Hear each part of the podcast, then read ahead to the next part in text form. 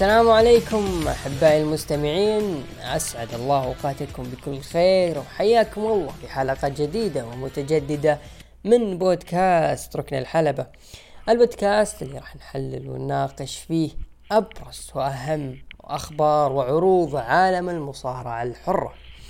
حلقة هذا الأسبوع بالتعاون مع محتوايز الحلقة رقم 121 معكم أخوكم عبد الرحمن أبو عوف ومن الإخراج دحيم العلي. طبعا في هذا الأسبوع اللي كان حار حار حر جدا يا إخواني. يعني عندنا هنا في الرياض وصلت درجات الحرارة يعني ستة وأربعين و والله يستر بس لا توصل خمسين ونقلب. الله يستر يعني. لكن يعني مستمرين مع هذا الحر وأعاذنا الله وإياكم من نيران. جهنم نحن من عز عليكم يا رب العالمين. طبعا صار في كم update صراحة جميل في هذا الأسبوع. يعني زي ما تقول غيرنا الصورة أو الغلاف أو ال poster أو الأفاتار سميها ما شئت اللي هو صورة غلاف البودكاست. إلى ما هي ظاهرة لكم. طبعا هذه الصورة بإنتاج الأخ والصديق العزيز محمد رولنز أه نوجه له تحية من هذا البودكاست ونقول تسلم أناملك يا أبو حميد. والله يعطيك العافية. كذلك نزلنا مقطع جديد على قناتنا في اليوتيوب اللي يتكلم عن المصارعين اللي خذوا أو أبطال حقيبة Money in the Bank لكن للأسف فشلوا في صرفها بأسباب كثيرة سواء كانت على الحلبة أو خارج الحلبة. فشيكوا على المقطع ولا تنسونا بالدعم باللايك والاشتراك إذا لم تكن مشترك. كذلك لا تحرمنا من رأيك عزيزي المستمع لأن رأيك يهمنا. طبعا هذا الأسبوع عادت من جديد عجلة الدوري السعودي في أمتارها الأخيرة. طبعا نبدأ أول شيء بالمتصدرين عندك الهلال والاتحاد. الهلال طبعا انتصر على الفتح بثلاثيه نظيفة وكذلك الاتحاد يعني فاز على الاتفاق بثلاثه أهداف مقابل هدف. وكانت ممكن توصل للرابع لولا ما ضيع حمد الله إحدى الفرص اللي كانت قريبة جدا من الهدف. كذلك الهلال كان قريب إنه يسجل الرابع والخامس في لحظات من المباراة لكن اكتفى بالثلاث نقاط. كذلك النصر فاز بنتيجة أربعة واحد ضد الحزم. يعني ما كان للأمانة المباراة فنية كانت مباراة للأمانة عادية ممكن أقل بعد. لكن المهم الفوز والثلاث نقاط كذلك ضمننا مقعد آسيوي. عدنا من جديد لدوري أبطال آسيا وعندك أيضا آه، أصبحنا مشاركين في كأس السوبر السعودي. زي ما أنتم عارفين كأس السوبر هذه السنة راح يكون أربع فرق أه وصيف الدوري وبطل الدوري وبطل كأس الملك ووصيفه. وكون إنه الهلال هو وصيف كأس الملك وفي نفس الوقت ينافس على صدارة الدوري فهو يعتبر وصيف كأس الملك وأنضم للبطولة كل من الاتحاد والنصر. أيضا حدث أمر آه، في الدوري اللي هو الأهلي يقترب شيئا فشيئا وأكثر من اللازم من الهبوط إلى دوري يلو للدرجة الأولى بعد خسارته أمام الرائد بنتيجة آه، ثلاثة واحد. يعني لا زال الأهلي يعني قريب جدا هو والاتفاق وكذلك الباطن والرائد والفيصل والتعاون. يعني كل هؤلاء مهددين بالهبوط لكن الأهلي يعتبر هو من أقرب الفرق آه، من هذول الفرق. كون أنه راح يواجه الشباب الجولة القادمة الجولة الأخيرة راح يواجه الشباب في كلاسيكو. وسبحان الله هذه المباراة ترجعني لتصريح لخالد البلطان لما أحد رؤساء الأندية والله ناسي اسمه لكن قال أنه الشباب والأهلي ما هي كلاسيكو والبلطان قال أوكي ما هي كلاسيكو خلوها ما هي كلاسيكو سبحان الله. الحين المركز الرابع يواجه المركز ما قبل الأخير ففعلا ما هي كلاسيكو. آه طبعا الجولة الأخيرة راح تلعب إن شاء الله يوم الاثنين القادم بالتوفيق لجميع الأندية. طبعا الحزم هو الفريق اللي شبه ما مضمون أو معروف آه، توجهه وهبط إلى الدوري الدرجة الأولى دوري يلو وأكرر آه، أمنياتنا بالتوفيق لجميع الأندية. آه، أوجه آه، من هذا المنبر رسالة تهنئة ومباركة لجميع عشاق ومحبين فريق جولدن ستيت ووريرز تحقيقهم لقب دوري كرة السلة الأمريكي NBA بعد انتصارهم على بوستن سلتيك بنتيجة أربع مبار أو أربع انتصارات لمباراتين. طبعا هم نظامهم سلاسل عندهم ست سلاسل ست مباريات. الفريق الأكثر انتصار هو الفائز بالدوري. طبعا فاز جولدن ستيت بأربع مباريات مقابل انتصارين لبوسطن. الدوري مستحق أكيد للفريق. ما قصر صراحة طوال هذا الموسم. آه، رغم إنه في النهائي كان أول ثلاث مباريات كان مستواه متذبذب يعني ما كان يعني يعطيك انطباع إنه ممكن هو ممكن يفوز لكن زي ما تقول كان السيطرة كاملة على بوسطن خلال أول ثلاث مباريات. لكن المباراة المباريات الثلاث الأخرى ظهرت خبرة الفريق أو خلينا نقول شخصية البطل آه ظهرت أمل للفريق في آخر ثلاث مباريات وهي اللي اهلته ليكون هو بطل الدوري هذه السنة. وهذا هو الدوري الرابع لهم خلال أربع آخر ثمان سنوات من عام 2015 و17 و18 والحين 2022 مبروك لفريق جولدن ستيت ووريرز ومحبينه و hard luck لفريق بوسطن مع إني والله كنت أبغى بوسطن يفوز. مو كرها في الجولدن أو كرها في الووريرز لا لا ابدا. لكن كون انه بوسطن فريق آه ولاية ماساتشوستس يعني فريق آه ساشا ودومينيك دايجاكوفيك وأكيد جون سينا. آه عندك أيضا الأسبوع الجاي راح تبدأ بطولة ويمبلدون للتنس أعرق وأهم بطولات الكرة الصفراء. طبعا هذه كل ما يخص الفقرة الرياضية. ندخل الآن إلى عالم المصارعة الحرة ال pro wrestling بداية بالأخبار طبعا لا زالت الأخبار عن الشيء اللي صاير في مجلس إدارة ال WWE بعد حادثة فينس مكمان أو قصة فينس مكمان لا زالت الأنباء تتضارب آه إلى حين إن شاء الله ساعة الصفر ليبان كل شيء لكن زي ما إحنا عارفين ستيفاني مكمان أصبحت هي ال CEO أو آه مؤقتا بروس بورتشارد أصبح هو رئيس المواهب مكان آه جون ليرنتس والخبر الأجمل والأروع هو عودة تريبل إتش من جديد إلى NXT وإلى المركز التدريبي ال Performance Center. آه، طبعا تريبل اتش على حد كلام الخبر أنه مو بس استعاد آه، الصلاحيات اللي سلبت منه استعاد أو أخذ صلاحيات أكبر من الصلاحيات اللي كانت موجودة له آه، في الفترات السابقة. طبعا أكيد سعيدين جدا بعودة the game الملك تريبل اتش من جديد إلى بيته NXT وإلى المركز التدريبي مع المواهب ومع الأجواء الجميلة اللي كان خالقها تريبل اتش خلال الخمس ست سنوات الماضية في NXT لكن ما ودي والله أحطم الناس لكن NXT حاليا يعني ما هو NXT قبل أربع سنوات خمس سنوات. لكن بإذن الله الملك قادر ليعيد العرض إلى مكانته الطبيعية نتمنى ذلك. آه كذلك أخبار الإصابات مع هذا الشهر يعني لا زالت نعاني من آه أخبار الإصابات النجوم. آه عندك براين دانيلسون آه أعلن إن إنه ما راح يشارك في عرض فوربدن دور. راح نجي إن شاء الله في عرض داينامايت نشوف التفاصيل اللي صارت أو مع إصابة براين دانيلسون. كذلك ريا ريبلي تعرضت لإصابة.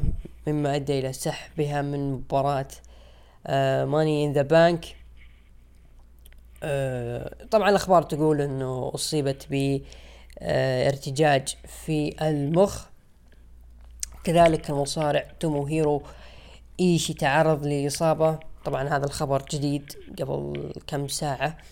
تعرض لإصابة في إحدى العروض آه وتم استبداله ب كلارك كونرز في آه مباراة لقب الأتلانتيك اللي راح تقام في عرض Forbidden.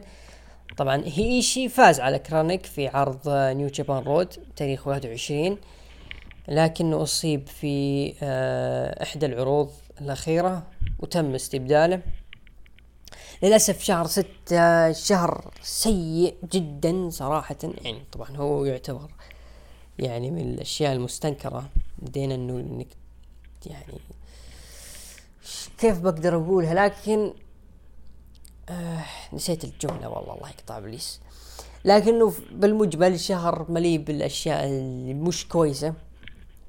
أخبار إصابات المصارعين بداية من بانك براين كودي راندي الحين براين و وريا ريبلي وتوموهيرو إيشي فشيء شهر مليء بالإصابات. هذا هو شهر لحاله شهر ستة. أخبار إصابات وأخبار يعني صادمة للبعض فنتمنى انه الشهر ينتهي على خير للأمانة. يعني إحنا الحين في تاريخ أربعة وعشرين لازال يعني تقريبا ستة أيام الله يعدي على خير بس. طبعا آخر خبر عندنا يقول لك وفقا لل Godfather الظاهرة ذا أندرتيكر سجل عدة حلقات من بودكاسته القادم وهي حاليا في مرحلة الإنتاج. طبعا البودكاست راح يكون إن شاء الله في شبكة إي. منتظرين صراحة لإبداعات ذا أندرتيكر في مجال جديد ومجال الناس تترقب له للأندرتيكر خصوصا بعد خطابه في آه، أو قبل الخطاب قبل الخطاب في حلقات اللي كان ضيف فيها في برنامج Broken Skull Sessions Broken Broken Skull Session مع ستيف اوستن تقريبا قدم ثلاث حلقات كانت كلها جميلة. آه خطاب ال Hall of Fame الخطاب اللي كان جدا عظيم. ساعة كاملة استحالة تمل من حديث ذا اندرتيكر والآن هو في صدد تقديم بودكاست خاص فيه. فنتمنى له التوفيق والنجاح. للظاهرة ذي أندرتيكر مارك كالوي. هذا تقريبا كل ما يخص آه، الأخبار. ننتقل الآن مباشرة للعروض الأسبوعية. بداية مع عرض SmackDown الذي أقيم في مدينة مينيابوليس مينيسوتا. مدينة الرائع والجميل والأنيق. كورت هينيغ مستر بيرفكت. طبعا افتتح العرض بدخول فينس مكمان للحلبة وقال إني مسرور إني موجود هنا في مينيسوتا وشهدت مقدمة العرض بأربع كلمات ألا وهي قبل والآن وإلى الأبد والأهم من ذلك كله ان معا. Welcome to SmackDown بعدها أبو الشباب طالع. طبعا أكيد آه ظهور فينس ماكمان بعد 24 ساعة من ظهور آه أو من قصته مع القصة اللي حصلت له الفترة الأخيرة وكذلك من تقديم استقالته آه المؤقتة اللي حي اللي آه زي ما نقول يتفرغ للقضية هذه. طبعا أبو الشباب يعني جذب كل أنظار الناس وبالأخير قال كلمتين يعني أنا فهمتها إنه كنا ولا زلنا وسنظل معا نعمل من أجل شعار ال WWE يقصد إنه راح نقدم كل ما يسر وكل ما يفيد هذا الشعار. وطبعا أبو الشباب ما قصر أثبت ذلك في نهاية العرض إن شاء الله راح نجيه. طبعا دخل آه، مات ريدل وقال بنشوف أشياء اللي صارت بيني وبين رومن رينز وقال أدري إن كل أصحابي يشوفوني من البيت وأهم شخص هو راندي أورتن يتابعني من البيت وقال أتمنى لك الشفاء العاجل وأنا راح أساندك وشكرا لك. وهذه أهم مباراة في حياتي وأنا مستعد لها. وقال بنشغل شيء الحين ونتمنى نسمع قريب وهي أغنية راندي. واشتغلت واعطاها ما تريد يعني حركة راندي اورتن صراحة وجرنا والشباب كنت تحسب إنه راندي ظهر لكن يعني ردل ردل يعني حركاته ما يخليها صراحة. ولا تستغربون ترى هذه الحركات والأسلوب اللي قاعد يطلع ردل من أيامه في NXT خصوصا عام 2020 اللي كان عام برز فيه ريدل مع ثنائيته مع بيدان. وثنائية ما أنساها ابدا. أه قدم فيها ريدل اشياء جميلة جدا وكل هذه أنا بالنسبة لي من أفكار وأقتراحات ما تريدل فالنجم يعني شغال صح واستغل ثقة الإدارة فيه بشكل صحيح جدا. اللي للأسف نفتقدها مع عدد من النجوم اللي اللي دارت تنتظر منها أشياء. يا شيخ عطنا شيء نقدمه للجمهور لكن للأسف الرجال بارد. يعني ما أقصد شخص واحد تقريبا نسبة كبيرة من ال roster نعاني من هذه الأشياء. أه بعدها صارت مباراة آخر رجل يضحك بين مادكاب موس ضد هابي كوربن. انتهت المباراة بانتصار. مادكاب موس بعد مباراة مادكاب موس جلس يضحك على بارين كوربن وبارين كوربن عصب على بات ماكافي. ما أدري إيش دخله المسكين لكن بات قال اسمعني يا الفاشل. نعم يا الفاشل. وقبل ما تطلع أبي الناس هنا كلهم يطقطقون عليك. والناس استلمت طقطقة على بارين كوربن وضحكوا عليه لين طلع. طبعا هذا يبين إنه بارين كوربن داخل في عداوة. مع بات ماكافي وشين الخصم اللي اخترته يا بارين كوربن صراحة. بات ماكافي إنسان الناس في الفترة الأخيرة خاقين عليه. الأخيرة قلت أنا. طيب دحين صار يدقق يعني. صار مدقق املائي طيب الفترة الأخيرة من WrestleMania بعد ما دخل مع أوستن ثيوري والأشياء اللي كان يقدمها ومباراته الجميلة صراحة. والآن دخل مع بارين كوربن فبنشوف موجة من الانتقادات والبروموهات من مات باك من بات ماكافي على طاولة التعليق. وهذا يبين لك إبداعات هذا الرجل في عرض SmackDown. طبعا آه، خلف الكواليس Street Profits يتوعدون الاوسوس ناتاليا تتوعد بإخضاع روندا راوزي وتحقيق اللقب Money in the Bank. النيو داي لعبوا مباراة ضد جندر وشانكي انتهت المباراة بانتصار النيو داي. وما أدري شانكي عن أي أنواع الترفيه اللي جالس يقدمها هذا الرجل ويتراقص. بعدها دخل درو ماكينتاير الحلبة وقال شيمس أو عفوا وكذلك شيمس وتواجد معهم آدم بيرس وكل واحد قال نقطته إنه له الأحقية إنه يدخل مباراة Money the Bank وقال آدم بيرس يا شيمس أنت راح تكون موجود في المباراة. وشيمس جالس يطقطق آه على درو ماكنتاير إن أنت إني أنا أستحق وأنت درو لا وفجأة هجوم شرس من درو ماكنتاير على شيمس لكن آدم بيرس قال يا درو relax يا أبو الشباب لأنك أنت موجود في مباراة الحقيبة برضو.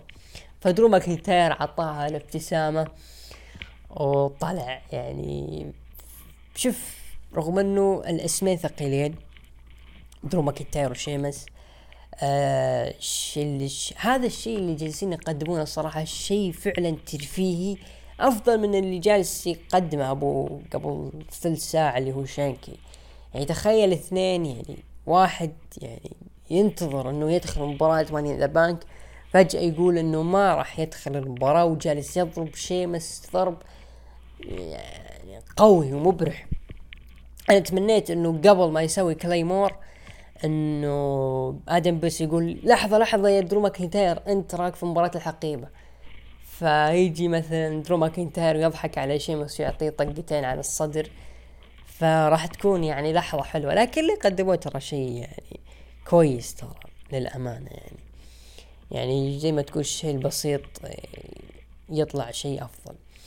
سامي زين كان يحاول يدخل غرفة رومان رينز آه بعدها صارت مباراة تصفيات في مباراة Money in the Bank راكيل جونزاليس ضد شينا بيزلر انتهت المباراة بفوز راكيل جونزاليس سبحان الله هذه المباراة لو كانت في NXT كانت ممكن تكون مباراة أحلام يكون لها ترقب. لكن مسكينة شينا بيزلر للأسف تائهة في عالم ال WWE خلف الكواليس ناكامورا يحيي مات ريدل آه عميل آه ماكس دوبري لحتى الآن ما ظهر. وماكس دوبري زعلان من آدم بيرس بالإضاءة اللي وعدها له. وقال إنه ما راح يكفيني هذا الشيء لين تصلح إضاءتك. نروح لل main event المنتظر مباراة على لقب ال WWE لقب ال universal unification match آه مات ريدل ضد آه رومان رينز. انتهت المباراة بفوز وحفاظ رومان رينز على اللقب. آه بعدها رومان رينز قدم برومو. قال سأل فيه بول هيمن قال يا أبو الشباب من بقى؟ من بقى؟ ما بقى أحد. جلدت الجميع. ضربت كل الخلق. لكن يا مينيابوليس acknowledge me. وجاب يظهر أو الشباب يظهر يعني قصدي يطلع. جاب يطلع آه رومان رينز إلا وتدق موسيقى. بروك ليزنر. نعم. بروك ليزنر ظهر ودخل الحلبة وجاب يصافح رومان رينز لكن أعطاه F5 وقام يجلد الجميع. طبعا مشاهدات عرض SmackDown هذا الأسبوع بلغت مليونين وثلاثمية ألف مشاهد. طبعا المباراة المباراة كانت جميلة جدا رائعة ومن أفضل المباريات آه، في فترة رومان رينز كلقب ال universal وكذلك لقب الدولي يعني أفضل مباراة يعني في مسيرة آه، رومان رينز بعد مباراته ضد آه، فين بالر اللي صارت في Extreme Rules ضد ايدج وبراين اللي صارت في WrestleMania 37 هذه المباراة أيضا آه، مباراة جميلة جدا أظهرت قوة مات ريدل إنه شخص يعني مهما كان شخصيته إلا إنه منافس شرس في المباريات خصوصا إذا لعب على البطولات والألقاب. وهذا هو يلعب أمام رومان رينز ويقدم مباراة من أروع المباريات اللي صارت هذه السنة خصوصا في عرض SmackDown عرض SmackDown ما صارت فيه مباريات يعني كثيرة حلوة لكن هذه المباراة كانت جدا جدا رائعة واستمرار حفاظ رومان رينز على اللقب وفي next step كبير لمات ريدل سواء كان في Money in the Bank سواء كان في Royal Rumble الرجل يعني لا جديد في إبداعات مات ريدل. لكن نجي لبروك ليزنر. ما اللي ممكن يقدمه بروك ليزنر ورومان رينز للدبليو دبليو؟ ما هو الشيء الجديد اللي راح يقدمونه هذول الاثنين للعروض؟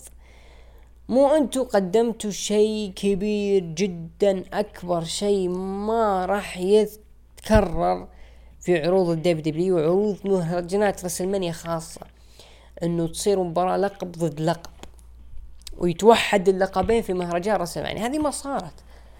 كلقب الدبليو دبليو اي والالقاب الواجهة. هذه ما تص... ما صارت في مباراة في راسلمانيا وينر تيك أول وماستو بندست وأشياء كثيرة وترويج المانيا هذه. بالنهاية المباراة ما طلعت بشكل مقبول. آه النهاية ترفع الضغط والآن تكررت. يعني okay أنت يعني متوهق بسبب إصابة راندي أورتن والخطة كانت إنه رومان رينز ضد راندي أورتن لكن في أسماء ثانية غير راندي أورتن. يعني عندك آه، بوبي لاشلي مثلا. بوبي لاشلي يعني لحد الآن ما أخذ ال rematch حقه اللي خسره في Elimination Chamber ويعني كلنا تحمسنا لبوبي لاشلي لما في هيلين سيل لما خلص مباراته وجالس ضد أومس. ضد أومس وان في بي لما جاء يحتفل بلقب دبليو دبليو لأحد الجماهير قلنا معقولة بوبي لاش راح يكون خصم رومان رينز؟ في النهاية دبليو دبليو ترجع ريوس للقب الولايات مع ثيري. ما أنا أنا حسيت إنه الدبليو عاقبته كأنه المشهد اللي طلع فيه بوبي لاشلي هو من تلقاء نفسه. ف WWE عاقبته حطه في عداوة مع ثيوري عداوة استعراضية أكثر من إنها هي عداوة لقب.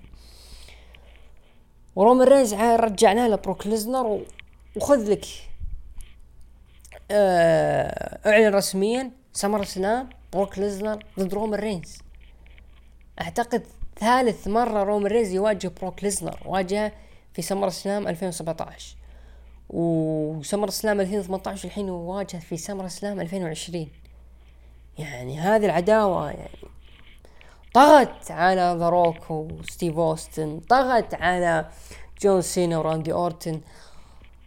ولا أدري إلى متى راح تستمر يعني. أنا صرت podcaster يعني. أنا كنت متابع عروض على مصارعة حرة.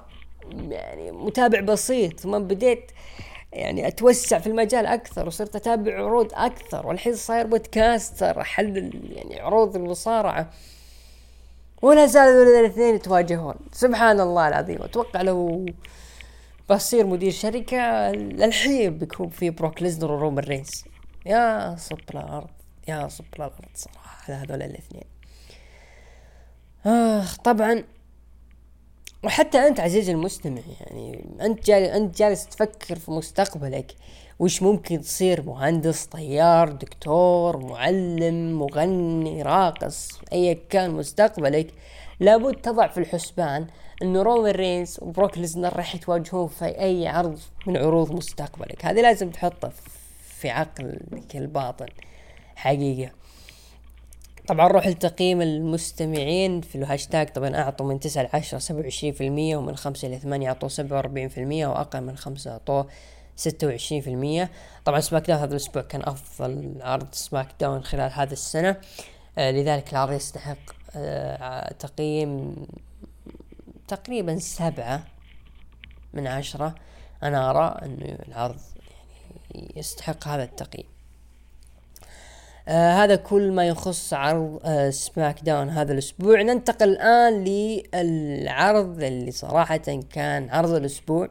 هو مو عرض أسبوعي لكن هو عرض مهرجان شهري آه خاص لعرض Impact Wrestling اللي هو مهرجان Slammiversary هو مهرجان الصيف عندهم اللي هو مثل SummerSlam عندنا هو Slammiversary طبعا في هذا العرض كان احتفالي بمناسبة مرور عشرين سنة على تأسيس اتحاد Impact اللي كان سابقا تحت اسم تي ان اي نون ستوب توتال نون ستوب اكشن اي هذا هو اختصار العرض ما هو اختصار شيء ثاني. طبعا نروح ل card آه، العرض. طبعا آه، نبدأ في ال pre-show آه لعب ريتش سوان ضد براين مايرس فاز فيها ريتش سوان. آه جوني سوينجر لعب مباراة ضد شارك بوي فاز فيها شارك بوي. طبعا هذه كانت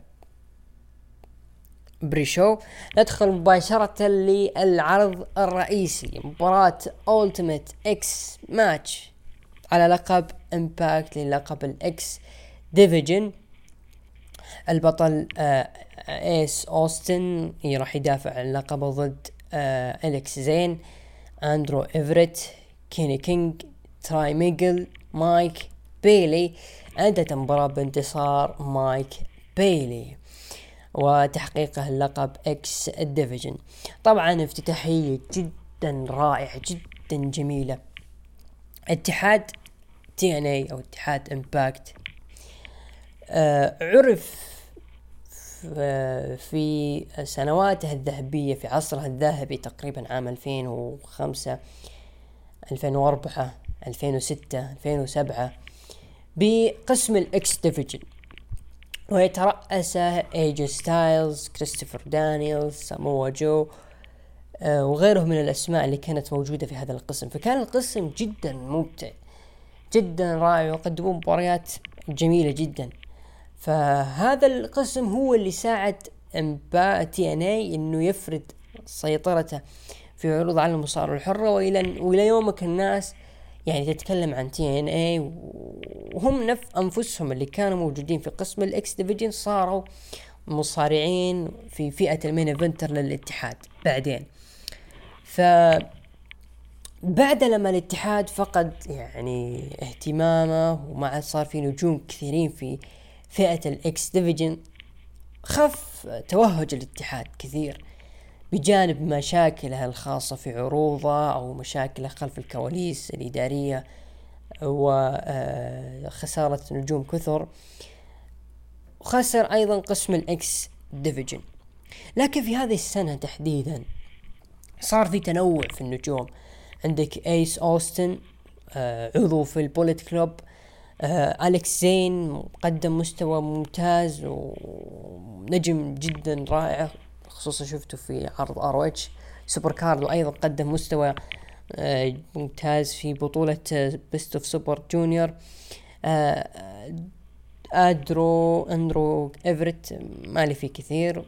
هو تراي ميجل لعب مباراة ضد مايك بيلي في آه آخر Impact وقدم مباراة جدا جميلة وفوق هذا البطل مايك بيلي. أكثر نجم صراحة لفت نظري هذه السنة من بين كل نجوم الاتحادات صراحة. مايك بيلي نجم رائع في Rebellion قدم مباراة جميلة مع آه أليكس آه عفوا إيس أوستن.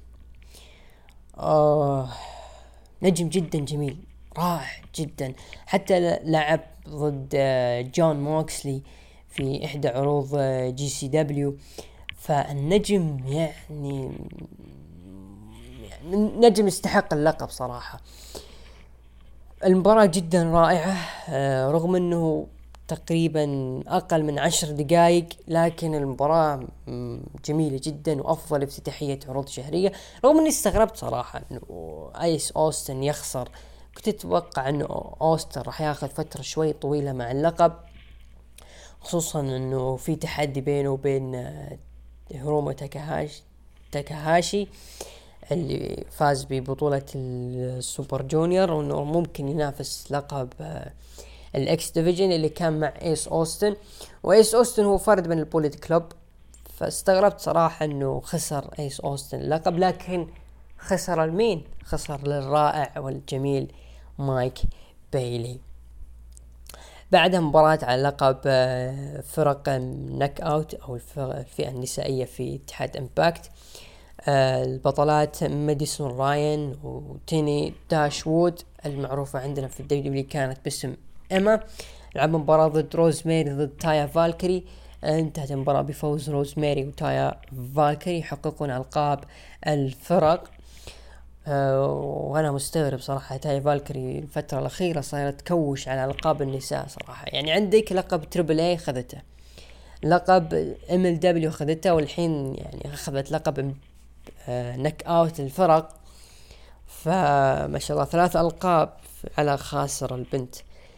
آه بعدها شفنا video package للأيقونة ستينج يهنئ فيها الاتحاد ويذكر فيها أبرز لحظاته في الاتحاد بعد مباراة Monster's Ball اللي هي ال hardcore مباراة سامي كلهن ضد موس. انتهت المباراة بفوز سامي كلهن أيضا مباراة جميلة رائعة رغم إنه كان عندي تحفظ إنه مو معقول إنه سامي كلهن ينزف من أول ضربة على الرأس. وموس اللي بلع ضرب راس يا رجل والله ما طلع منه ولا نقطة دم. لكن ككل مباراة جميلة. كان مباراة hardcore آه بعد مباراة على لقب الفرق ال Briscoes جاي ومارك دافع عن القابهم ضد ال Good Brothers دوك جالوز كارل أندرسون Big LG. انتهت المباراة بفوز The Good Brothers وتحقيقهم لقب الفرق. بعد مباراة face to face بين الفريقين ودخل فريق America's Most Wanted أحد الفرق الكبيرة التي مرت باتحاد TNA واحتفلوا مع أه الفريقين أعطوهم البيرة. أنا ضحكني اللي كان جايب معه موية فهذا واضح إنه صايم عن البيرة. المباراة أنا بالنسبة لي تعتبر هي أضعف مباراة من بين جميع المباريات صراحة. ما المستوى اللي قدموه على الرغم من أهمية الفريقين ك آه، أحد أهم أحد أهم الفرق في الوقت الحالي تتكلم عن ال Briscoes من الفرق العريقة ال Good Brothers. لكن المباراة ما طلعت بالشكل الممتاز والشكل اللي يليق باسمائهم عكس مثلا ال Briscoes ضد ال FTR. هذيك المباراة كانت جدا مجنونة لكن هذه المباراة يعني كانت لك عليها شوي. وهذا يعني يفسر إنه اتحاد Impact ما هو مركز على الفريقين خصوصا ال Briscoes اللي في مشكلة بينهم وبين الاتحاد نفسه. يعني ما هو جالسين يقدرون الفريق هذا صراحة رغم لأنه الفريق يعني زي ما نعرف ضد توجه الاتحاد ضد الحيوانات هذوليك. بس ولو يعني ما صعب إنه يعني فريق كبير وتعاملوا بهذا التعامل صراحة شيء محزن صراحة. وال Briscoes ما أعتقد راح يتطولون كثير في Impact آه، ممكن نشوفهم في WWE وممكن نشوفهم في AEW لكن يطولون في Impact صراحة ما أعتقد يعني ما أعتقد ابدا.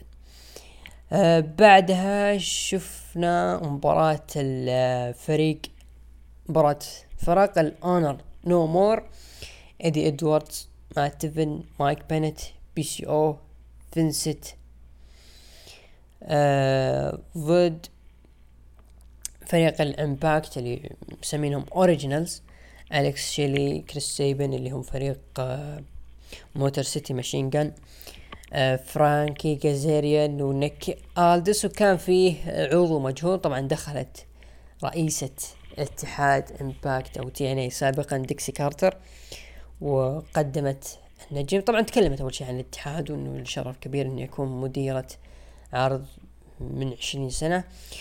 وقدمت النجم اللي هو ديفي ريتشاردز.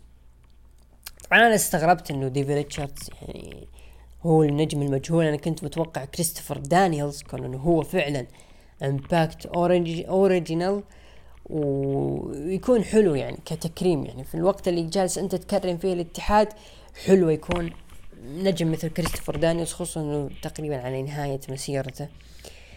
ف حلو إنه تكرم كريستوفر دانييلز بهذا التكريم اللي يستحق. لكن آه، عرفت يعني بعدين لما قرأت آه، تغريدات الناس إنه آه، ديفي ريتشاردز وسامي كالاهن بينهم أو عفوا إيدي إدواردز بينهم تاريخ سابق كفريق وكعداوة. لذلك أنا اقتنعت. المباراة أيضا كانت جيدة وانتهت بانتصار فريق Impact Originals بعدها صارت لحظة جميلة جدا ظهور الاستثنائي The Phenomenal والرمز الأول لاتحاد TNA اي جي ستايلز وتكلم بشكل عاطفي جدا عن الاتحاد و... وذكر آه، أبرز المباريات مع سامو جو مع فرانكي كازاريان المباراة الثلاثية الشهيرة. وشكر ال WWE على أنه سمحت له بالظهور لأنه هذا آه يعني له كثير. طبعا هذا شيء يعني يحسب لل WWE صراحة تلميع يعني سمعتهم آه بعد الأشياء اللي قاعد تصير. وأنا متأكد لو اي جي ستايلز مرتبط بأي عقد غير العقد مع ال WWE اللي يلزمه بعدم الظهور تلفزيونيا سوى عروضهم لكان ظهر في العرض وكان راح تكون له لحظة عاطفية جدا. لكن اللي ظهر فيه كان أفضل صراحة. بعدها صارت مباراة Queen of Mountain على لقب آه يا أخي إننا متعودين نقول نساء. لقب ال Knockout اللي هو فئة النساء. آه والحكمة كانت ميكي جيمس. طبعا المباراة هذه قانونها باختصار شديد. شفتوا مباراة السلالم Money in the Bank Ladder Match مو صح إن ترق المصارع يرقى السلم لين يوصل وياخذ الحزام. هذه نفسها لكن بالعكس. الله لا يهينك تجي ترقى السلم وتعلق الحزام. طبعا المباراة كان فيها تاشا ستيلز. آه لعبتهم ضد تشيلسي. جرين ديونا بورازو ميا يم آه جورديني جريس أو جريس. انتهت المباراة بانتصار آه جورديني. جريس طبعا شفنا spot الجميل الخطير صراحة اللي كان من تشيلسي. جرين ودونا بورازو. طبعا مباراة جدا قوية. طبعا المباراة أيضا من قانونها إذا أنت تم تثبيتك في المباراة يكون في قفص تقعد هناك لمدة آه، دقيقتين. نظام كرة اليد عرفتوا؟ تقعد دقيقتين إذا سويت فاول. لكن هنا لا إذا تم تثبيتك آه، توقف دقيقتين. طبعا مباراة جميلة جدا مباراة رائعة. أفضل بكثير من المباراة اللي تسميها ال WWE No Holds Barred ضد اللي أنتم يعني عارفينهم اللي لعبوا مباراة No Disqualification في عرض Hell in a Cell هذه المباراة رغم أنها مباراة نسائية إلا أنهم قدموا أداء قوي جدا. يعني ما توقعت صراحة ذهلتني المباراة. أنا ما كنت ناوي أعطيها skip. لكن شفتها. وصراحة المباراة لفتت انتباهي كثير. بعدها صارت مباراة أو الحدث الرئيسي. مباراة على لقب Impact جوش الكسندر ضد إيريك يونغ انتهت المباراة بفوز جوش الكسندر وحفاظه على اللقب. مباراة أيضا قوية جدا. جوش الكسندر استطاع من إظهار إيريك يونغ بصورة قوية جدا. يعني توقعنا لوهلة إن إيريك يونغ راح يفوز. لكن استمر جوش الكسندر آه، بطل للقب Impact وهذا الشيء يستحقه. جوش الكسندر اللي شال Impact العام الماضي كله على كتفه والآن جالس يحمل الاتحاد ويطير به فوق عاليا ويستاهل جوش الكسندر بخلاف البطل اللي تاكي في البيت هناك. عرض جدا رائع جدا رائع العرض. أيضا شفنا تواجد كيرت آنجل أيضا تكلم عن العرض وعن مسيرته في الاتحاد لكن اللي استغربناه أكثر اللي هو غياب سمو جو اللي برر إنه أصلا ما تم دعوته للعرض فهذا شيء مستغرب إنه لا زالت المشاكل بين الإدارة وبين سمو جو سمو جو أعتقد مستمرة من بعد عام 2014 لما خرج سمو جو فشيء محزن صراحة إنه نجم كبير. يعني هذا يعتبر أحد رموز اتحادك لازلت تعامله بهذا الشكل. ف يلا GG يا أبو جو. Impact هذه السنة طبعا شوفوا أنا متابع متقطع جدا للعرض ماني بتابعه بشكل أسبوعي. لكن العرض هذه السنة في بداية السنة أصلا في مقاطع التردكة مع حبيبنا سيرجي جوردن كنت أقول إنه سنة 22 راح تكون سنة خير على اتحادات خارج WWE من ضمنها Impact يعني. كون إنه في نجوم كثر خرجوا من ال WWE Impact راح يستعيد آه، فيهم وراح يقوي من roster ه أكثر. كنت حاط من ضمنهم جوني نايترو أو آه، جوني امباكت اللي هو جون موريسون. لكن ما ظهر في الاتحاد. لكن العرض يعني لما يعطيك pay-per-view عرض شهري تتحمس له. يعطيك عرض شهري فعلا عرض شهري. ولا جاء قال لك pay-per-view يستحق كل ريال تدفع له يعني عرض Rebellion الماضي لما فاز جوش ألكسندر باللقب كانت مباراة جميلة. لحظة جوش ألكسندر رفع اللقب كانت أروع اللحظات اللي شفتها في عرض Impact مباراة لقب ال X Division واستعادة توهجه.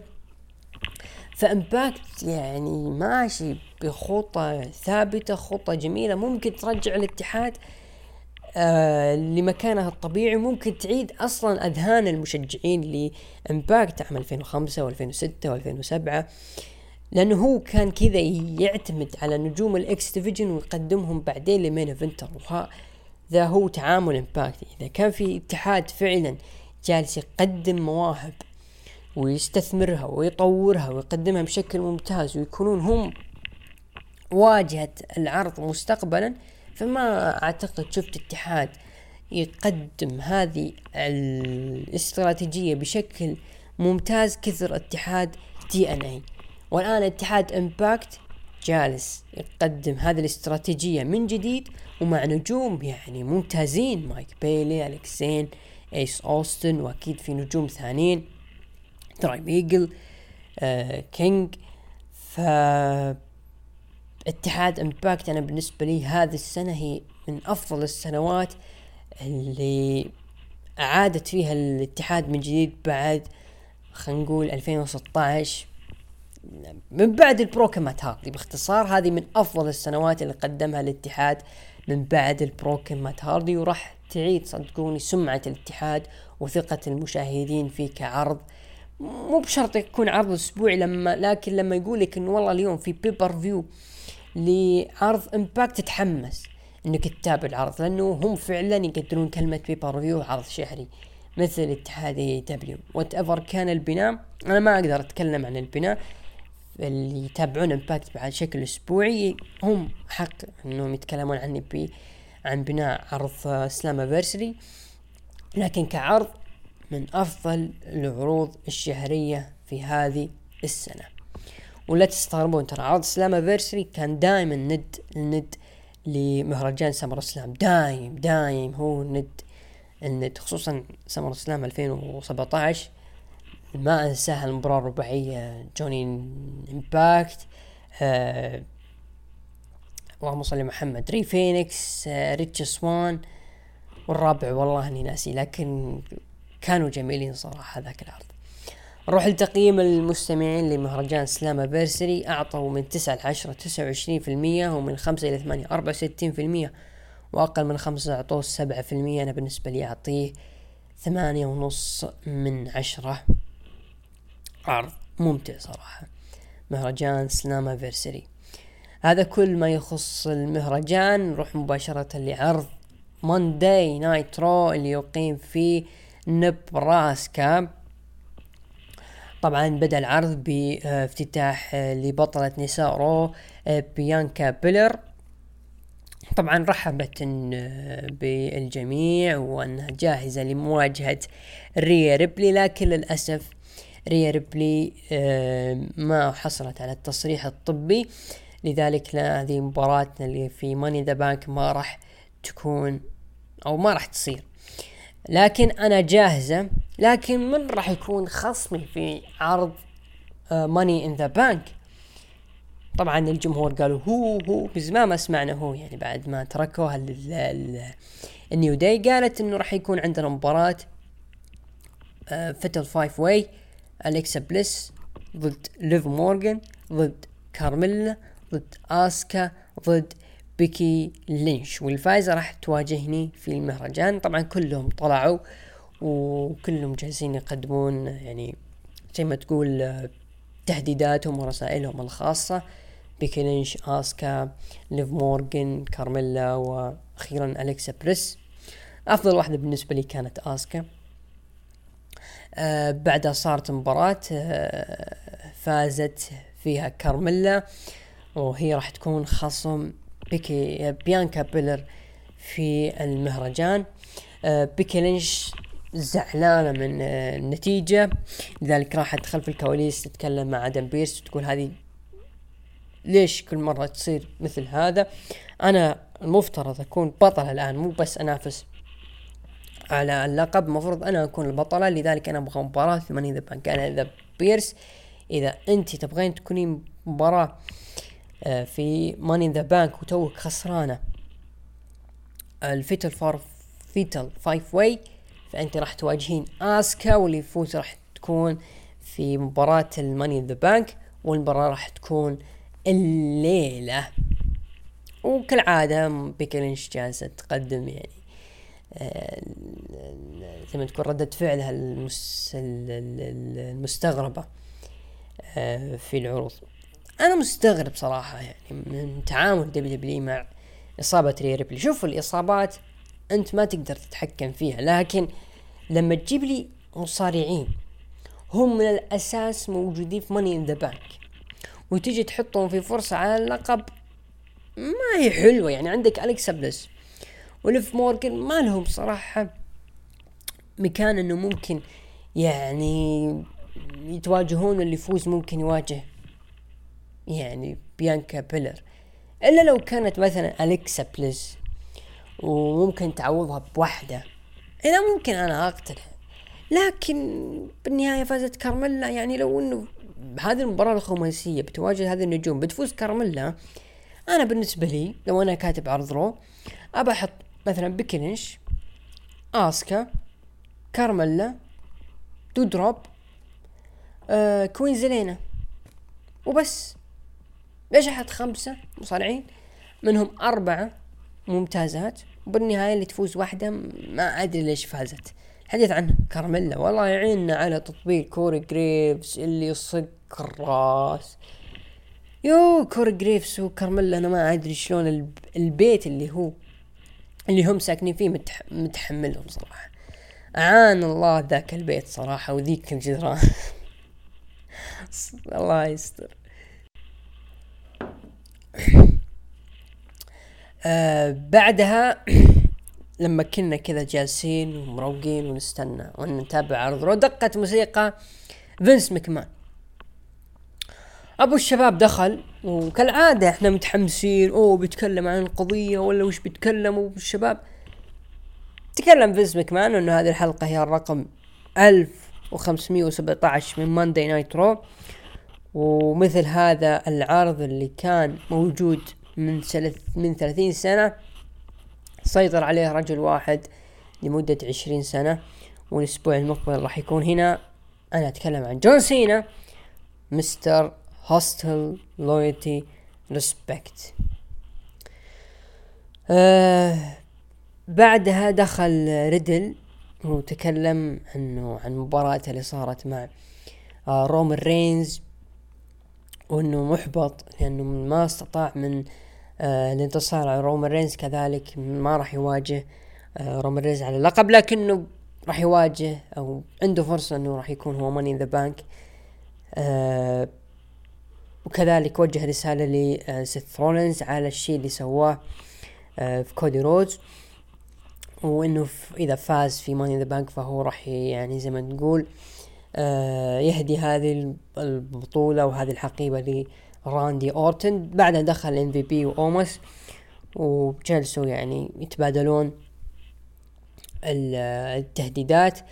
آه صارت مباراة بين مات ريدل ضد اومس انتهت المباراة بفوز اومس وبذلك يكون اومس متواجد في حقيبة Money in the Bank بجانب سيث رولينز شيمس ودرو ماكنتاير آه بعدها أومس ضرب ريدل وطلعه برا الحلبة آه ودخل سيث رولينز وجالس يطقطق على آه ريدل وقال هذا يعني أنت يا الخسران يلي جالس تطقطق علي وجالس مسوي فيها تتكلم عن كودي رودز وكنت متوهم متهور ضد رومان رينز لكن ما راح تكون عاطفي مثلي في ال Royal Rumble وأنا في أقل من أسبوعين راح أصعد السلم وآخذ لقب ال Money in the Bank وراح آخذ اللقب من آه رومان رينز لكن بعدها ريدل آه هاجم رومان رينز لكن رومان رينز بادر بالهجوم وسيطر عليه تماما.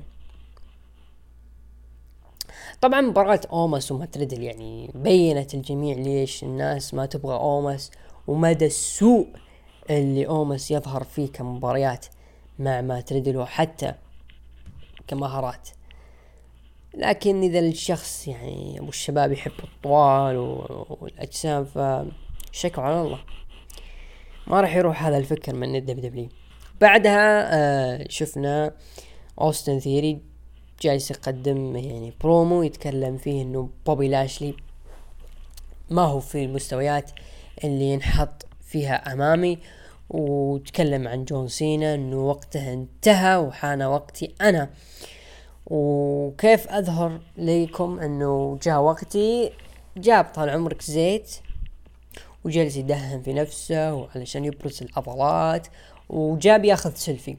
لما أخذ سيلفي بوبي لاشلي كان وراه وتفاجئ بهجوم من بوبي لاشلي واللي جلده بوبي لاشلي جلد من اوستن ثيري اوستن ثيري طبعا راح خلف الكواليس وقابله اللي هو شو اسمه المذيع وتكلم هل بوبي لاشلي راح تعطيه فرصة على اللقب. قال إنه بوبي لاشلي ابدا ما يستاهل شيء لكن إذا كان يبغى هذا اللقب فإنه لابد يواجه مباراة ضد ثلاث خصوم مباراة gauntlet match إذا فاز عليهم كلهم راح يواجهني على اللقب في عرض Money in the Bank طبعا زي ما قلت إنه بوبي لاشلي كان المفروض يكون هو مصنف أول علاقه بالدبليو لكن الدبليو خلوه يريوس مسوي لي فيها بتواجه رومان رينز وتحمس الناس علشان الناس تقلب علينا.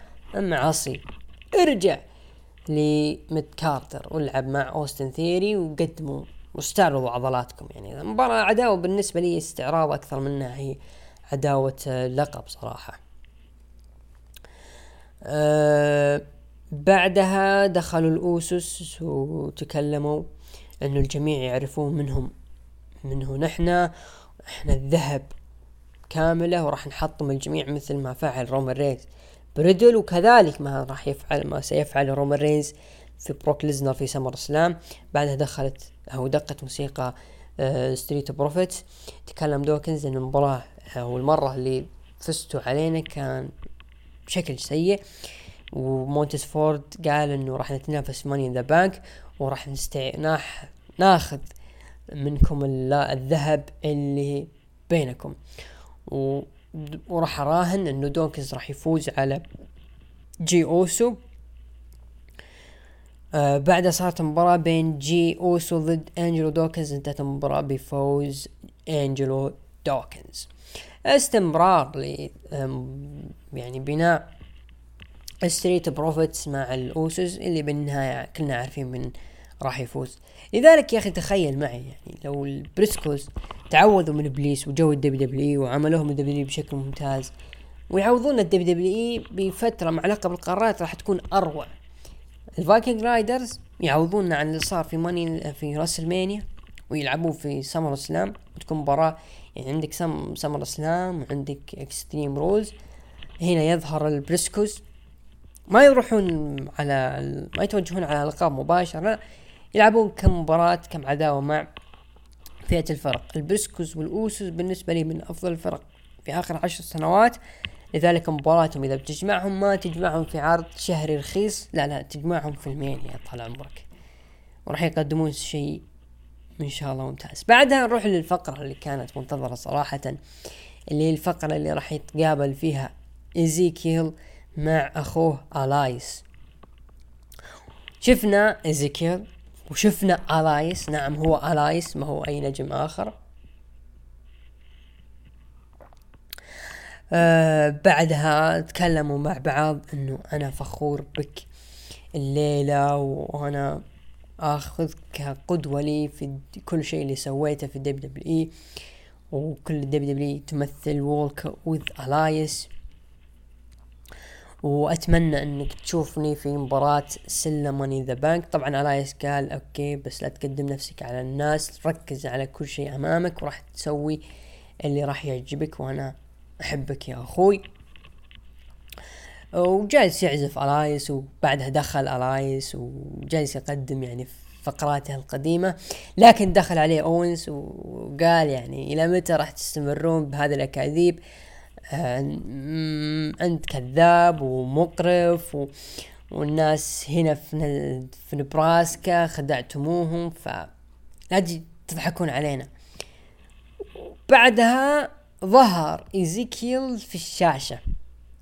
وهنا كيفن اونز انجلط الجلطة الأولى وجلس يضرب إلياس لكن إلياس يعني ضربه بالجيتار آه على ظهره وقال لا وتم غناء بعد آه أغنية KO is a liar ف بعدها كيفن في مقابلة مع باتريك سأل إذا كان كيفن اونز مقتنع إنه هذول ما هم نفس الشخص وكلهم إخوان. قال اونز غير صحيح آه واحد منهم سجل الفيديو وإيزيكيل راح يلعب ضد اونز لكن فجأة دخل إيزيكيل وظهر وكيفن اونز دخل في حيرة يا رجال جالس. لعبوا بعقله مسكين. ف هذه العداوة صراحة entertainment entertainment صراحة. يعني اللي خلى العداوة هذه تنجح أو الناس تستمتع فيها whatever هل الناس مقتنعة فيها ولا لا؟ لكنهم جالسين يقدمون شيء أسبوعي ترفيه وهو أساس الدبليو دبليو الترفيه مش ال pro wrestling. هو الاستخدام مهارة المايك والشخصية والكاريزما اللي يظهرون فيها النجمين صراحة. كيفن أوينز وايزيكيل أو إلايس whatever كان اسمك. لكن كلهم أبدعوا صراحة. أيضا لا ننسى دور تشاد جيبل وأوتيس في هذه العداوة وفي هذه القصة صراحة. أكيد قدموا آه، شغل خلت الناس يعني تقتنع بإيزيكيل وكيفن اونز بعدها صارت مباراة ال gauntlet بوبي لاشلي ببداية كان ضد تشاد جيبل فاز بوبي. بعدها لعب ضد أوتيس وفاز فيها بوبي. الخصم الأخير كان أوستن ثيري أو ثيري وفاز فيه بوبي لاشلي بتثبيت سريع وبذلك يكون بوبي لاشلي ضد أوستن ثيري على لقب ال United States في مهرجان Money in the Bank. بعدها صارت فقرة ميز TV وضيفه هو إي جي ستايلز. سأل ميز عن بعض المشكلات اللي صارت مع إيدج وتحالفه مع فن وبعدها فن انضم لي ال Judgment Day وخسارته الأسبوع الماضي. ايج ستايلز يعني قال إنه نبراسكا معاين الفشل ووصف يعني مز بالغباء. أه بعدها دخل في القصة اللي دخلنا فيها ما تريدل اللي هي قصة يعني هذول الصغيرات. آه يعني شيء حلو صراحة ترفيه أيضا ميز قال إنه آه أنت في برنامجي لا تقل الاحترام. ولكن هاجموا بعض وايجي ستايلز هاجمه من خلف كالعادة توماسو تشامبا.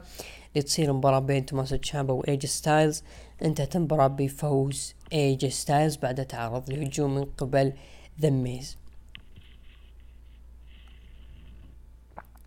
ولا زال مصير توماسو تشامبا يعني للأسف مجهول. هل الدبليو دبليو كفكرة توماسو تشامبا إنه يظهر ويدخل يعني يواجه الناس ويهجم الناس بطريقة آه غريبة بطريقة مفاجئة؟ يعني هل هم يذكرون الناس بشخصية ال broken heart الشخصية العقلية؟ هذه ممكن يكون فكرة دبليو دبليو لكن لما يهاجم الخصوم ويلعب معهم ومع ذلك يخسر فما الفائدة يعني من البناء اللي جالس يقدمه توماسو تشامبا للأمانة. فأنت جالسون تخسرون نجم يعني من النجوم اللي كانوا من أفضل الشخصيات المكروهة في عام 2018 نجم لن ينسى ولن يتكرر. توماسو تشامبا كشخصية heel يعني. لو كرروها الدبليو دبليو شخصية broken broken heart إنه ما يتكلم ويظهر ب يعني بلحظات الناس ما تتوقعها بأشياء والناس تقول لأبوه فراح يكون يعني توماسو تشامبا نجم يعني مهم في العروض الرئيسية. لكن للأسف النجم راح يتم تهميشه وقد يتم فسخ عقده أو عدم التجديد معه في وقت قريب. أه، نروح بعدها لل main event مباراة آسكا ضد بيكي لينش اللي تفوز راح أه تكون في Money in the Bank. طبعا فازت آسكا واستمرت بيكي بالصياح والنواح ليش أنا خسرت؟ ليش خسرت؟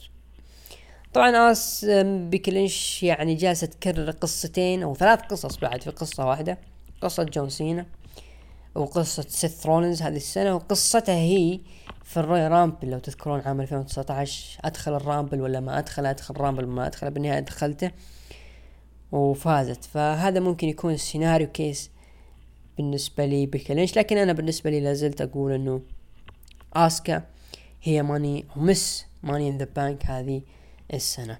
طبعا هذا كانت هذه نهاية عرض رو. آه عرض رو للأسف يعاني. ولا يزال يعاني.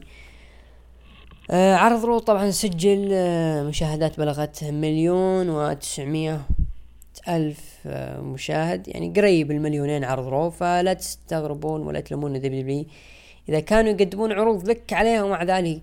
يجيبون مشاهدات فهذا هو الدبليو دبليو.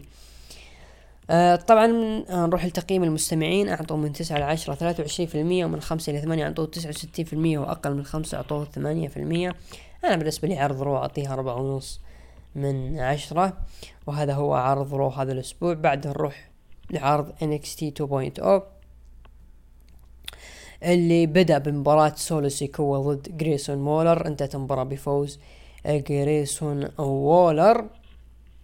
مباراة حلوة كبداية عرض NXT آه بعدها ماكنزي قابلت توني دي أنجلو وقال توني إن هذه راح تكون ليلة كبيرة آه لي ولطاقمي خصوصا ليقادو ديل فانتازما وسأل سانتوس إذا كان راح يثبتون ولائهم سانتوس قال أكيد راح نثبت الولاء.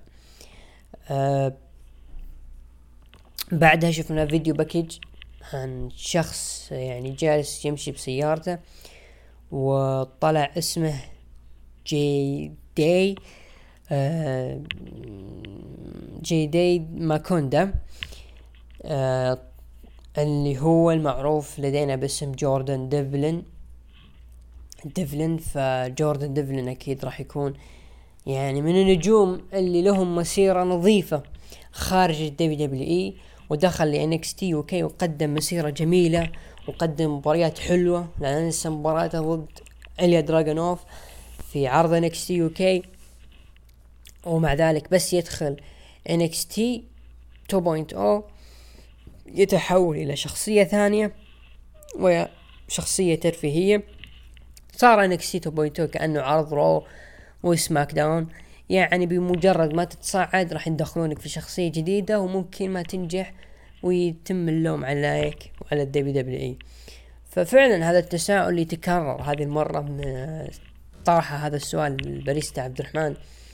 نمسيه بالخير. الأسبوع مو الأسبوع الماضي العام الماضي تكلم قال إنه ما الفائدة من تواجد اللي هم NXT UK دام إنه أنت ما راح تستفيد من أي نجم. ففعلا يعني أنت ما راح تستفيد منهم وجالس يعني تخسر نجوم وتقدمهم بشكل حلو بالنهاية يعني يخسرون سمعتهم يخسرون شخصيتهم. و NXT UK يعني بدأ يعاني شيئا فشيئا صراحة. بدأ غزو مو طبيعي لنجوم NXT 2.0 لل UK ولا أدري ليش وش الفايدة منهم. يعني النجم أو النجم اللي فعلا برز في NXT UK وكان من NXT كانت ايفي نايل لما لعبت مع ساتومورا على لقب النساء UK وقدت المباراة ب physical جميلة. لكن مو كل النجوم يعني واحد. في نجم يفرق لكن للأسف يعني خسارة خسارة والله جوردن ديفلين يعني. لكن أتمنى إنه يظهر بنفس الأداء اللي ظهر فيه في ال UK صراحة. بعدها كاتانا تشانس وكيدن كارتر لعبوا مباراة ضد يوجا ليون وفالنتينا فيروس فازوا فيها كيدن كارتر وكاتانا وسلي دخل الحلبة وقال إنه مستاء وانه شكر الجميع. وكان سابقا هو يعني بطل للقب انكستي مع صديقي. لكن الأشهر الأخيرة كنت من أعلى المستويات ووصلت إلى أدنى مستوياتها.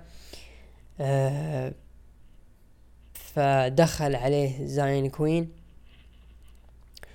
وكأنه يلمح إنه راح أو عفوا عفوا دخل عليه تريك ويليامز وقال إنه لا أحد يريد سماع إنه أنت وحيد وإنه شقيقك انفجر وايا كان جلس يطقطق عليه تريك ويليامز أه ويسلي اللي البرومو اللي قدمه يعني في هذا الأسبوع يعني كأنه يبين إنه خلاص آه، أيامه في NXT قريبة من نهايتها.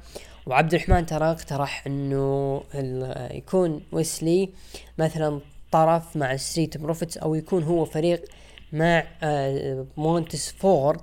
فراح يكونون ثنائية للتاريخ ثنائية جميلة جدا وراح يكون بينهم تناغم كبير. لكن ترى التناغم اللي بين ودوكنز ومونتس فورد ترى التناغم رائع جدا على المايك على الحلبة. لكن ويسلي على الحلبة راح يكون متناغم أكثر مع مونتس فورد. لكن كشخصية ممكن إذا طلع مونتس فورد من آه، دائرة اللي هو اللي هم Street آه، Profits أكيد راح يدخل في جو ويسلي وراح يقدمون. يعني مثل ما كنا نشوف مع ناش كارتر. بعدها شفنا video package لتيفاني ستراتن رودريك سترونج ويا صاحبه ديمون كيمب لعبوا مباراة ضد خواكين وايلد وكروز ديل تورو. فازوا فيها رودريك سترونج ورودريك سترونج بالنسبة لي إذا مالك فايدة في NXT ف امسك الباب. video package لابولو كروز ويا كثر video package اته. آه بعدها شفنا اللي هو ال Toxic Attraction. دخلوا وتكلموا إنه الأسبوع الماضي آه خسرنا أمام بيريز وروكسانو وكورا جيد لكن ما زلنا في القمة. وجيجي دولن تقول إنه هذا الوقت يعني ما هو وقت لعب. آه روكساني من راح تكون سندريلا.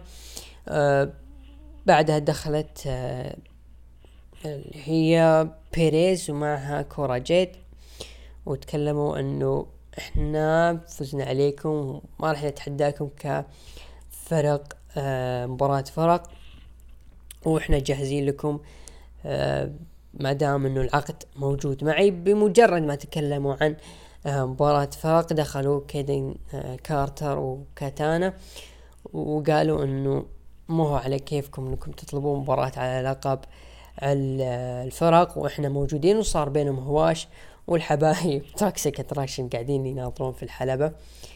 فيعني انعاش لفئة النساء صراحة في تي ومع ذلك لا يزال ال Toxic Attraction متسيدين هم العصابة أو متسيدين فئة النساء سواء كماندي روز أو حتى اللي هي جيجي دون وجيسي جين كاميرون جرايمز لعب مباراة ضد إدريس إنوفي فاز فيها كاميرون جرايمز. آه بعدها شفنا video package لنيكيتا ليونز. بروكس ينسن لعب مباراة ضد فون واغنر فاز فيها فون واغنر. بعدها كاميرون جرايمز ويا برون بريكر تقابلوا خلف الكواليس. آه دو جيسي يقدم عصابة الدايت. آه آلبا فاير لعبت مباراة ضد لاش ليجند انتهت المباراة بانتصار. آلبا فاير بال DQ والبا فاير كايلي راي rest in peace بالنسبة لي. ما أعتقد ممكن تقدم شيء لآفت. يعني إذا هي وهي كايلي راي كانت الناس يعني متلاهفة لها لك عليها كانت. فما بالك بآلبا فاير. ومع مين؟ لاش ليجند. damn يا شيخ. بعدها صارت مباراة على الحدث الرئيسي مباراة على لقب شمال أمريكا. توني دي أنجلو ضد كارميلو هايز. انتهت المباراة بانتصار كارميلو هايز وحفاظه على اللقب. وبذلك كانت هذه نهاية عرض NXT لهذا الأسبوع. طبعا NXT سجل سجل مشاهدات بلغت 637 ألف مشاهد وتراهم قربوا قربوا كثير من داينامايت أيضا لا زال بالنسبة لي NXT 2.0 يعاني يعاني يعاني بجانب عرض آه رو. آه نروح بعدها تقييم المستمعين أعطوا من تسعة لعشرة 11% ومن خمسة لثمانية خمسة وستين في المية وأقل من خمسة ثلاثة وثلاثين في المية. أنا أعطي مثل عرض رو تقريبا أربعة من عشرة. أروح بعدها ل دقيقة بس.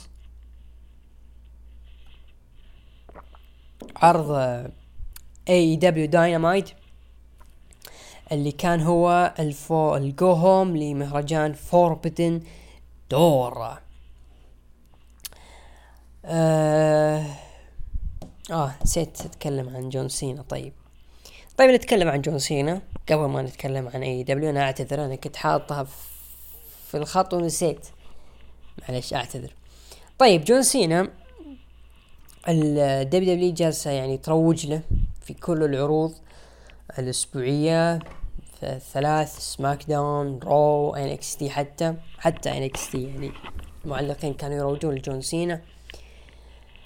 لكن ترويج جون سينا هذا بالنسبة لي غريب وفيني خوف صراحة من هذا الترويج لأنه أحس أنه ممكن نظهر بشيء يعني ما راح يعجبني أنا كمحب وعاشق وغيري من المحبين والعشاق وحتى كناس متابعة للعروض يعني سواء ككارهين لجون سينا سواء يعني ناس محايدين ممكن ما يعني ينال إعجابهم اللي ممكن يقدمه جون سينا مستقبلا. لأنه هذا الترويج أنا بالنسبة لي يذكرني بترويج ال WWE اللي صار بسيرفايفر سيريس 2020 اندرتيكر 30 years 30 years وبالنهاية اندرتيكر أعلن اعتزاله. فالله يستر. جون سينا ممكن يقدم يعني عداوة مع أوستن ثيري ممكن يدخل على لقب العالم ممكن يصاب بروك ليزنر ويصاب رومان ريز ويدخل على لقب العالم وممكن يحققه. لكن بالنسبة لي أنا جون سينا ترى ال WWE في الوقت الحالي محتاجته كثير كثير كثير. محتاجته كثير. يعني أنت خسرت كودي روز خسرت روم راندي أورتن نسبة ما خسران رومان ريز ما نشوفه في الأسبوع فلا بد يكون عندك المنقذ كالعادة. جون سينا. ننتظر إن شاء الله الأسبوع القادم وش ممكن يقدم جون سينا. الحين ندخل مباشرة لعرض داينامايت اللي صار في ملواكي مدينة ال Bucks آه بدأ العرض بدخول براين دانيلسون وقال هذا الأسبوع هو أسبوع رائع. أن تكون من مشجعين آه AEW هو شيء عظيم في أعظم مصار اتحاد مصارعة في العالم. الأحد هو Forbidden Door وهو pay-per-view لكن آه مع أفضل شركتين في العالم. آه وأنا أكيد جاني تحدي من زاك سيبر جونيور. لكن للأسف عندي خبرين الخبر الأول سيء آه، بسبب جيريكو وجيك هيجر اللي سووه فيني. أنا هذه المباراة ما راح تصير لكن الخبر الأفضل هو أنه راح يكون هناك خصم آه نفس أسلوبي وراح ينافس زاك سيبر جونيور وراح يقدمون مباراة technical للتاريخ وراح تكون من الأفضل في العرض. طبعا كثرة الشائعات كثرة الأخبار كثرة التسريبات كون إنه آه، جوني جارجانو أعلن إنه راح يكون في مدينة شيكاغو المدينة اللي راح تستضيف Forbidden Door ولكن لمدة 8 ساعات فما أدري إيش يقصد جوني جارجانو يعني هل هو عودته اقتربت أكثر من اللازم؟ لكن أنا بالنسبة لي كون إنه براين دانيلسون قال إنه المباراة راح تكون technically وراح تكون أفضل مباراة technical فما في مصارع ممكن يقدم مباراة جميلة ومباراة رائعة كثر زا آه، كثر عفوا سيزارو. فأنا منتظر الخصم المجهول اللي ممكن نتفاجأ فيه في مهرجان Forbidden Door. طبعا براين قال إنه أنا بكامل قواي العقلية وبامكانني آه، أقدم مباراة وأمشي لمدة ميلين دون تعرق يعني أنا يعني ما راح أبتعد وما راح أعتزل مثل ما كنت في ال WWE. promo أكيد ممتاز من براين دانيلسون وأعطانا تنبيه. أيضا براين ترى جالس يعني يلمح للخصم إنه ما راح أقول لكم ابدا. طبعا موكسلي خلف الكواليس يتكلم عن العمل والشخصية وعن مباراته في الأسبوع القادم ضد آه تناهاشي. آه بعدها صارت مباراة بين أورنج كاسيدي وروبونجي فايس ضد ويل أوسبري. وال United Empire فاز فيها اورنج كاسيدي وفايس و رابونجي. بعدها دخلوا اللي هو جيف كوب وجريت أوكان علشان يحمون ويل أوسبري لكن دخلوا ال FTR وهذا ترويج لمباراتهم. ال FTR ضد جيف كوب في Forbidden Door على ألقاب ROH والقاب IWGP للفرق. مباراة يعني كويسة. مستوى اورنج كاسيدي يعني جيد لكن زي ما تقول يعني مو هو الخصم اللي ممكن يكون ضد ويل أوسبري. لكن الناس تقول إنه دام إنه character وشخصية رغم إنه ويل أوسبري يعني كان ينتقد الشخصيات والمصارعين في ال WWE وهو الآن يعني يواجه مين يواجه؟ البرتقالة. فما أدري يعني ويل أوسبري. لسانك الله يرضى عليك. لا يتشقلب. بعدها شفنا جاي ليثال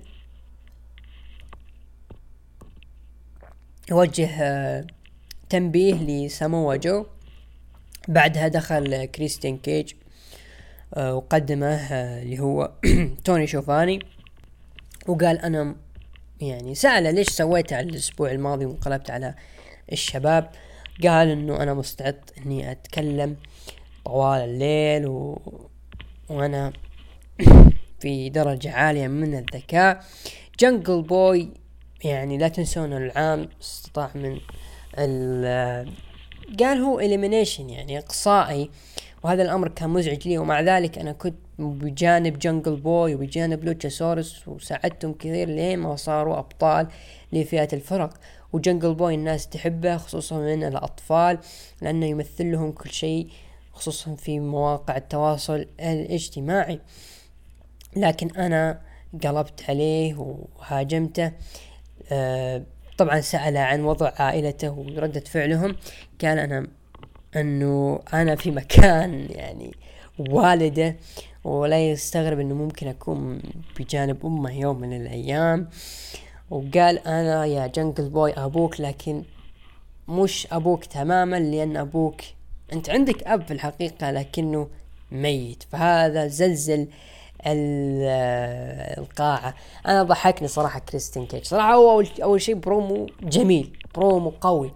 يعني كريستين كيج أحسه يراقب ايج عن كثب وعن وش قال جالس يقدم في العروض في ال WW لما يختفي ايج سبحان الله يظهر كريستين كيج ويقدم شيء جميل جدا. كريستين كيج ترى مصارع يعني كبير ومصارع عنده إمكانيات لكنه مشكلته قليل من يؤمن بهذه الإمكانيات وبهذه القدرات.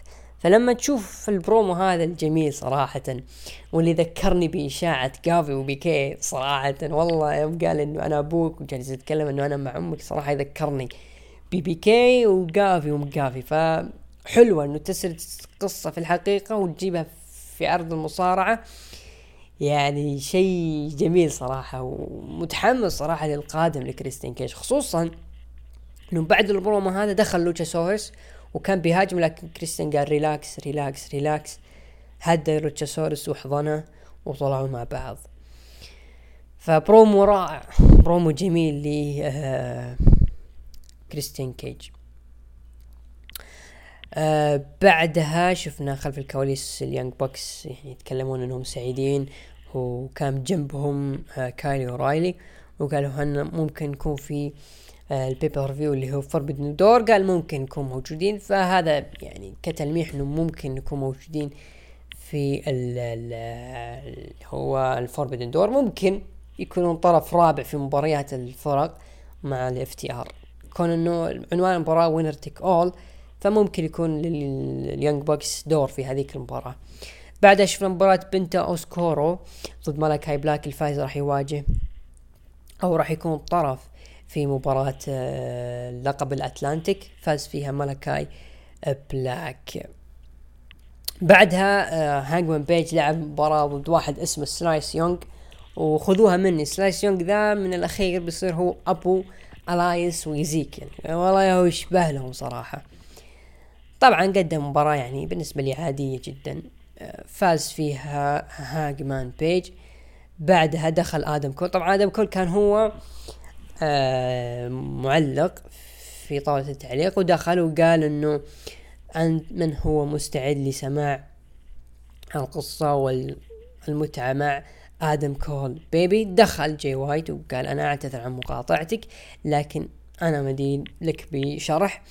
وكونك أنت محفز للمصارعة فأنت مسؤول عن كل هذا وأنا مسؤول عن جعل Forbidden Door أكبر مما يكون وأحب أتعامل مع ال Bullet Club وال Elite وأنا أقدم معروف لكل الأصدقاء. لكن أنت يا هاجمان بيج لست بالنسبة لي خصم وكل شخص يتع... راح يعترف أو راح يعرف من هو خصمي. طبعا على طول ما قصر. هاجمان بيج وجالس يجلد في جي وايت يجلد فيه يجلد فيه لين دخل آدم كول وساعد جي وايت وصار في cooperate بين آه آدم كول وجي وايت لتدق موسيقى.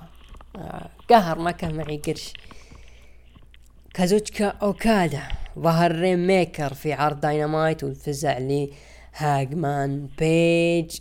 ورحب ترحيب كبير صراحة من أكثر النجوم اللي رحبوهم AEW. صراحة لحظة منتظرة. أول شيء برومو جميل جدا من جي وايت. يعني هذا يبرهن لماذا هو بطل IWGP الوزن الثقيل ولحظة ظهور كازوتشيكا أوكادا هي لحظة العرض بالنسبة لي. وأعتقد بالنسبة لك عزيزي المستمع إنه نجم منتظر آه ناس تنتظر إنه يكون له شيئا كبير في الساحة. الأمريكية وها هو الآن من جديد في عرض AEW فمنتظرين له في عرض Forbidden Door كورا جيد كالعادة يعني أو جيد كارجل تقدم يعني تهديدات على لقب TBS بعد مباراة مارينا شيفير ضد توني ستورم فازت توني ستورم ومارينا شيفير أنا ما أدري إلى متى يعني هي راح تكون موجودة في آه في داينامايت أعتقد إنه خلاص هذه آخر مباراة لشيفير بعدها ما راح تشوفها. البنت ما جالسة تقدم شيء كويس. بعدها شفنا ثندر روزا أكيد هاجمت شافير face to face مع آه توني دان توني ستورم اللي وهبتها نايلا روز وعطتها اللقب. بعدها ستينج وداربي آلن آه جالسين يقدمون كلام خلف الكواليس ضد كايل أورايلي. آه بعدها شفنا ال main event هيروشي تاناهاشي ضد جون موكسلي أو عفوا مباراة فرق هي هيروشي تاناهاشي وجون موكسلي ضد كريس جيريكو ولاس أنج لانس آرشر. انتهت المباراة بفوز هيروشي تاناهاشي وجون موكسلي بعد المباراة شفنا face to face جون موكسلي وتاناهاشي لكن للأسف بعدها شفنا إيدي كينغستون يهاجم كريس جيريكو ثم جاء سامي جيفارا. يفزع لإيدي كينغستون. بعدها ويلر يوتا يفزع ل إيدي كينغستون. ودخل سوزوكي.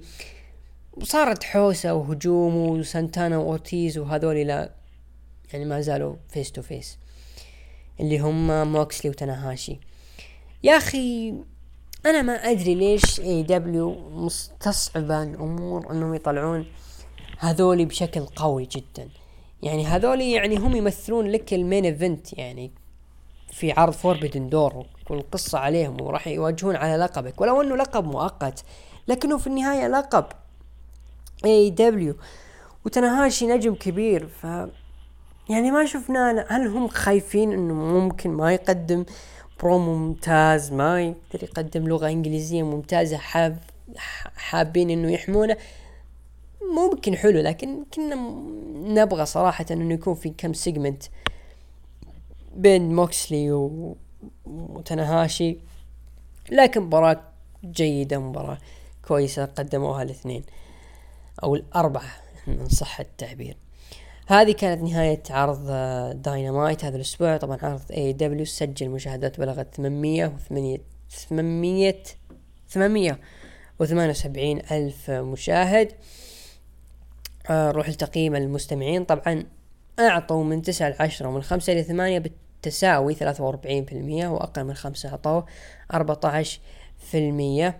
آه، بيني وبينكم ترى عرض داينامايت لا يزال آه، هو من أفضل العروض الأسبوعية ويستمر في ذلك.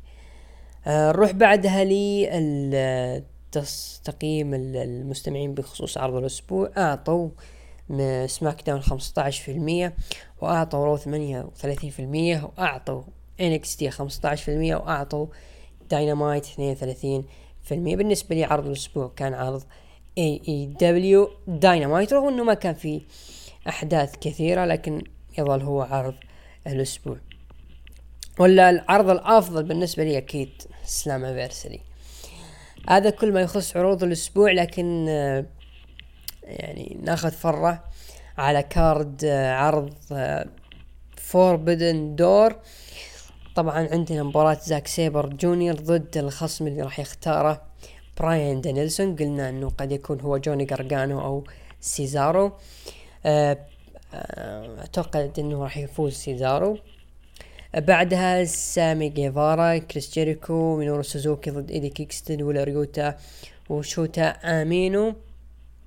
أعتقد اللي راح يفوز هو ال Jericho Society مع السوزوكي جان مينور سوزوكي. ال Bullet Club آه Young Bucks آه إل فانتازمو آه هيكوليو ضد الداربي ألين ستينج شينغو تاكاجي وهرومو تاكاهاشي. أعتقد راح يفوز هو ال Bullet Club. بعدها الفائز ياخذ كل شيء اللي هي مباراة لقب ROH ولقب IWGP للفرق. ال FTR ضد United Empire جريت أوكان جيف كوب ضد آه Roppongi Vice أو Vice ترنت باريتا وروكي روميرو. مباراة AEW على العالمي للقب النساء.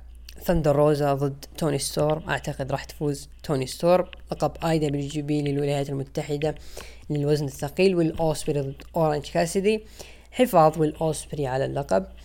آه مباراة AEW اللقب الجديد All-Atlantic Championship مباراة رباعية. باك ضد ميرو ضد مالاكاي بلاك ضد كونورز كلارك كونورز أعتقد اللي راح يفوز فيها هو مالاكاي بلاك آه لقب IWGP للوزن الثقيل مباراة رباعية جي وايت ضد هانجمان آدم بيج ضد كازوتشيكا اوكادا ضد آدم كول أعتقد إذا راح يفوز هو جي وايت وراح يحافظ على اللقب. مباراة لقب AEW المؤقت هيروشي تاناهاشي ضد آه جون موكسلي. أعتقد اللي راح يفوز هو جون موكسلي. هذا هو card عرض Forbidden Door وإلى هنا نصل إلى نهاية آه بودكاست هذا الأسبوع. آه أتمنى أن أكون وفقت في تقديم هذا البودكاست. اعذروني إذا حصل مني تقصير. آه كان معكم عبد الرحمن أبو عوف ومن الإخراج دحيم العلي. أتمنى أن نراكم الأسبوع القادم في حلقة جديدة. دمتم في رعاية الله. إلى اللقاء.